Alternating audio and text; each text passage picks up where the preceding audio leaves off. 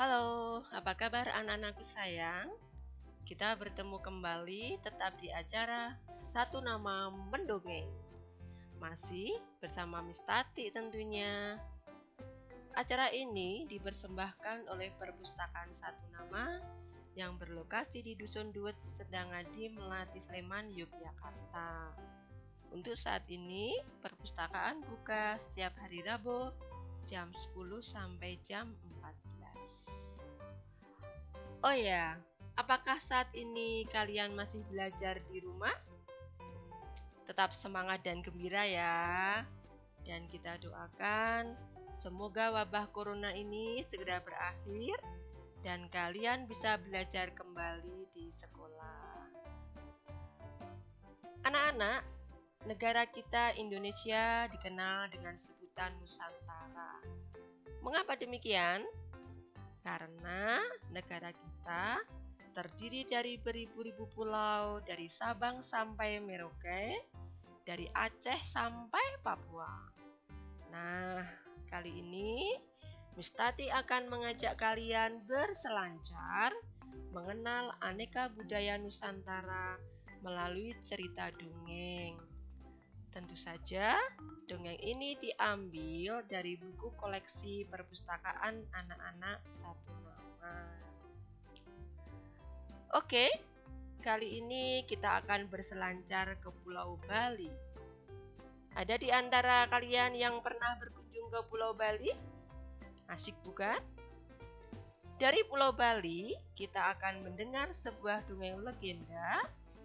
Judulnya adalah Buperjan Suka Usil Karangan Ali Muakhir Lalu, siapa Buperjan? Keusilan apa yang Buperjan lakukan? Mengapa Buperjan usil? Penasaran kan? Nah, untuk mendapatkan jawaban pertanyaan-pertanyaan tadi, mari kita simak cerita selengkapnya. Perjan suka usil. Bu Perjan dan Pak Perjan tinggal di sebuah desa di Bali. Rumah mereka mungil dan nyaman. Mereka tidak mempunyai anak, tetapi mereka hidup bahagia. Setiap pagi, Pak Perjan bekerja di ladang untuk bercocok tanam. Pak Berjan baru pulang setelah hari mulai senja dengan membawa hasil ladang. Dari hasil ladang itu, Pak Berjan menyambung hidup. Karena hampir setiap hari Pak Berjan bekerja di ladang, dia tidak tahu kalau Bu Berjan istrinya punya kekuatan aneh. Bu Berjan mampu mengubah dirinya menjadi apa pun. Sayang sekali, Bu Berjan tidak menggunakan kekuatannya untuk kebaikan. Bu Berjan menggunakannya untuk berbuat usil. Bu Berjan pernah menjadi monyet untuk mengambil pisang dan mangga di rumah tetangganya. Pisang dan mangga milik Pak Ketut hampir habis diambilnya. Pak Ketut awalnya heran karena pisang dan mangganya ludes. Dia pikir buah-buahannya diambil pencuri. Akan tetapi, ketika dia melihat yang mengambil seekor monyet, dia hanya menggelengkan kepala. Barangkali monyet itu sedang kelaparan, kata Pak Ketut yang baik hati. Mendengar ucapan Pak Ketut, Bu Perjan tersenyum senang. Bu Berjan juga pernah mengubah dirinya menjadi kotak perhiasan. Dia mengubah dirinya di depan anak perempuan seorang pedagang perhiasan yang kaya Siapa tahu nanti aku diisi banyak perhiasan. Lumayan buat tabungan. Ujar Bu Berjan sebelum mengubah diri menjadi kotak perhiasan.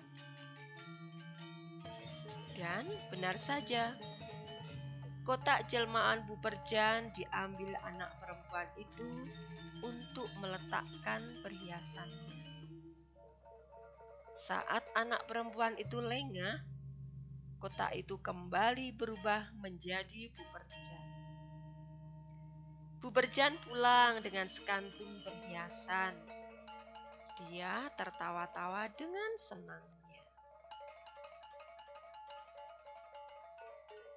Suatu kali, saat Pak Perjan sedang membelah kayu di dekat ladangnya bersama beberapa tetangga, keusilan Bu Perjan terusik. Aku akan berubah jadi memediah untuk menakut-nakuti mereka.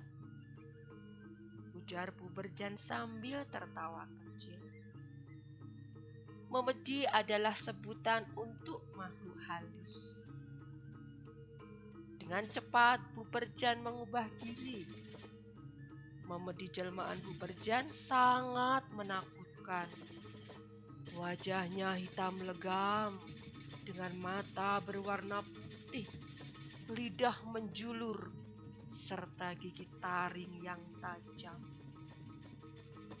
Memedi, ada memedi, ada memedi. Teriak salah seorang warga ketika melihat memedi itu berjalan. Keadaan seketika ramai Sebagian orang berlarian meninggalkan pekerjaan mereka, sebagian bersembunyi di batu-batuan, dan sebagian lagi mencoba menantang. Eh, apa yang harus kita lakukan? Gumam seorang warga kepada Pak Perjan yang berdiri tegak dengan kapak dan pisau kecil di tangan.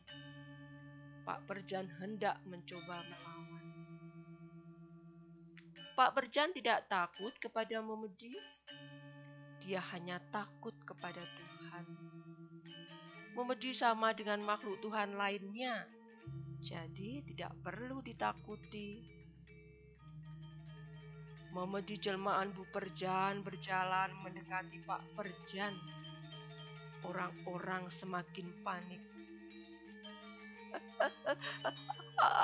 apa, apa, apa yang harus harus kita lakukan? Kata warga lainnya kepada Pak Perjan. Saat memedi jelmaan Bu Perjan hampir mendekati Pak Perjan, pelan tetapi pasti Pak Perjan mengayunkan pisaunya. Pisau itu melayang dan tepat mengenai hidung Memedi. Aduh, teriak Memedi itu tanpa disangka-sangka. Memedi itu kemudian lari tunggang langgang. Orang-orang yang melihat kejadian tersebut merasa lega. Mereka kembali berkumpul dan bekerja. Kamu hebat, Pak Berjan, kata salah seorang warga. Nah, itu hanya kebetulan saja. Balas Pak Berjan sambil tersenyum Dia tidak tahu kalau memedi yang dilemparnya dengan pisau itu adalah Bu Berjan, istrinya sendiri. Wah, gawat. Lalu, apa yang terjadi dengan Sore hari, Pak Perjan kembali ke rumah. Dia sudah lapar sekali karena Bu Perjan tidak mengantarkan makanan saat siang. Dia sempat makan, tetapi hanya sedikit. Itu pun karena pemberian dari temannya. Ketika tiba di rumah, betapa terkejutnya dia mendapati istrinya sedang menangis sambil memegangi hidungnya. Kamu kenapa, Bu? Pak Perjan langsung mendekati Aduh, tadi waktu aku sedang memetik daun untuk sayur makan siang Bapak, tiba-tiba hidungku tersambar pisau. Jawab Bu Perjan sambil menahan tak sakit. Dia tidak mau berterus terang karena takut pada Pak Perjan. Pak Perjan tidak curiga. Dia kira hidung Bu Perjan tersambar pisau karena tidak hati-hati. Dia kemudian mencoba mengobati hidung Bu Perjan. Luka di ujung hidung Bu Perjan semakin lama semakin melebar. Tentu saja sakitnya bukan main. Berpuluh-puluh tabib sudah diundang untuk mengobati, tetapi lukanya tidak kunjung sembuh. Ketelatenan Pak Perjan mengobati Bu Perjan membuat Bu Perjan keenakan. Bu Perjan yang usil itu pun memanfaatkan kondisi itu. Dia ingin terus beristirahat dan tidak bekerja. Pak, ibu ingin dibuatkan bubur, kata Bu Perjan. Hari ini ibu ingin makan bubur yang enak sekali. Pak Perjan mengangguk dan membuatkan bubur untuk Bu Perjan. Bu Perjan tersenyum senang. Akan tetapi, ketika bubur sudah jadi, Bu Perjan menolak memakannya. Hmm, terlalu asin, katanya memberi alasan. Pak Perjan kembali ke dapur dan menambahkan air supaya bubur itu tidak keasinan. Tapi begitu selesai, hmm, kurang garam, Begitu seterusnya. Ditambah air, kurang garam. Ditambah garam, keasinan. Meskipun begitu, Pak Perjan tetap sabar. Dan oh lala, Bu Perjan memakan bubur buatan Pak Perjan sampai habis 15 mangkuk. Bu Perjan memang keterlaluan. Sudah jelas bubur itu rasanya enak, namun tetap saja dia bilang kurang garam, kurang garam, dan kurang garam. Buktinya dia bisa menghabiskan 15 mangkuk. Lama-kelamaan, Pak Perjan jengkel juga. Gara-gara kamu, aku tidak mengurus ayam-ayamku, kata Pak Perjan pada Bu Perjan. Ya sudah, sekarang Bapak urus saja ayam-ayam Bapak. Ibu ingin sendiri saja di rumah. Balas Bu Perjan dengan Sepeninggal Pak Perjan, Bu Perjan rupanya masih lapar. Dia pergi ke dapur dan mencari sisa bubur.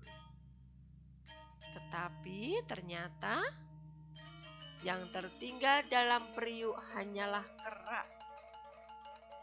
Saking laparnya, Bu Perjan memasukkan kepalanya ke dalam periuk untuk menjilati kerak itu. Kerak bubur dalam periuk habis dijilati Bu Perjan. Dan ketika akan mengeluarkan kepala, aduh, aduh, aduh, teriak Bu Perjan panik. Dia tidak bisa mengeluarkan kepalanya dari periuk itu. Tidak lama kemudian Pak Perjan pulang. Dia sangat terkejut melihat kepala Bu Perjan terperangkap dalam periuk. Ibu kenapa lagi? Tanya Pak Perjan dengan suara keras karena khawatir Bu Perjan tidak mendengarnya. Waktu ibu ke dapur, kepala ibu tertimpa periuk dan tidak bisa dikeluarkan. Jawab Bu Berjan bohong. Tolong bantu aku melepaskan periuk ini, Pak. Pak Perjan mencoba menarik periuk tersebut dengan kencang, tetapi tetap saja tidak mau lepas. Hmm, tidak ada jalan lain, periuknya harus dipecahkan, kata Pak Perjan dalam hati. Sekarang, ibu ikut bapak keluar, kata Pak Berjan beberapa saat kemudian sambil membawa pentungan. Eh, kenapa keluar? Memangnya ibu mau diapakan? Teriak Bu Berjan yang panik karena tidak bisa melihat. Sudahlah, ibu ikut bapak saja, kata Pak Berjan. Ibu mau kepala ibu lepas dari periuk kan? Periuk itu mengangguk-angguk. Lucu sekali. Seperti badut. Coba kalau periuk itu ada gambar alis, mata, hidung, dan mulut. Pasti benar-benar mirip badut. Beberapa saat kemudian setelah Pak Perjan memberitahu kalau periuknya akan dipecahkan, Pak Perjan mengayunkan pentungannya. Duar! Pukulannya yang terlalu keras tak hanya memecahkan periuk itu, tapi juga menghantam kepala Bu Berjan pusing tujuh keliling dan kemudian pingsan. Ketika siuman, dia baru sadar kalau perbuatannya selama ini sangat merepotkan orang lain. Terlebih suaminya sendiri. Dia berjanji tidak akan usil lagi. Berjan juga berjanji akan menggunakan kekuatan anehnya untuk berbuat kebaikan. Apa kalian ingin seperti Bu Berjan?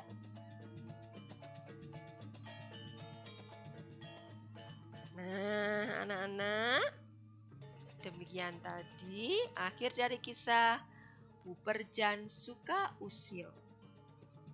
Lucu ya kisahnya?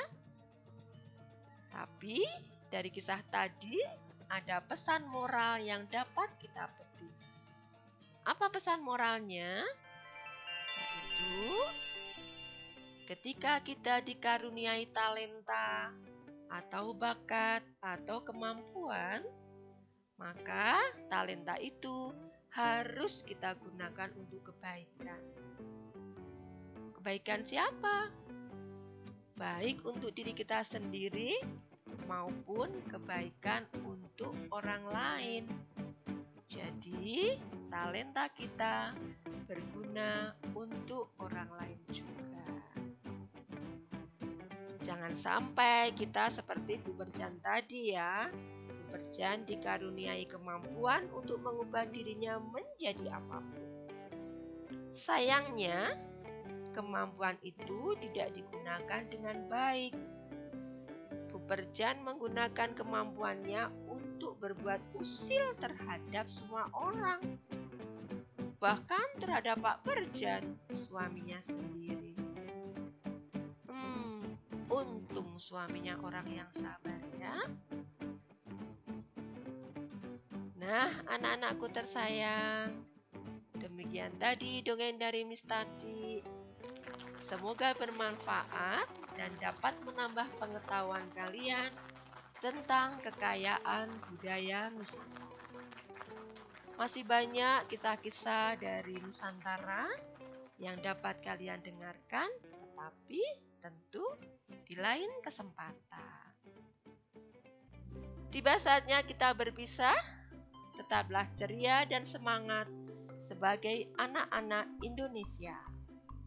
Sampai jumpa di lain kesempatan, tetap di acara Satu Nama Mendongeng yang dipersembahkan oleh Perpustakaan Satu Nama Yogyakarta. Akhir kata, Mr. ucapkan, salam ceria, salam anak-anak Indonesia, dah.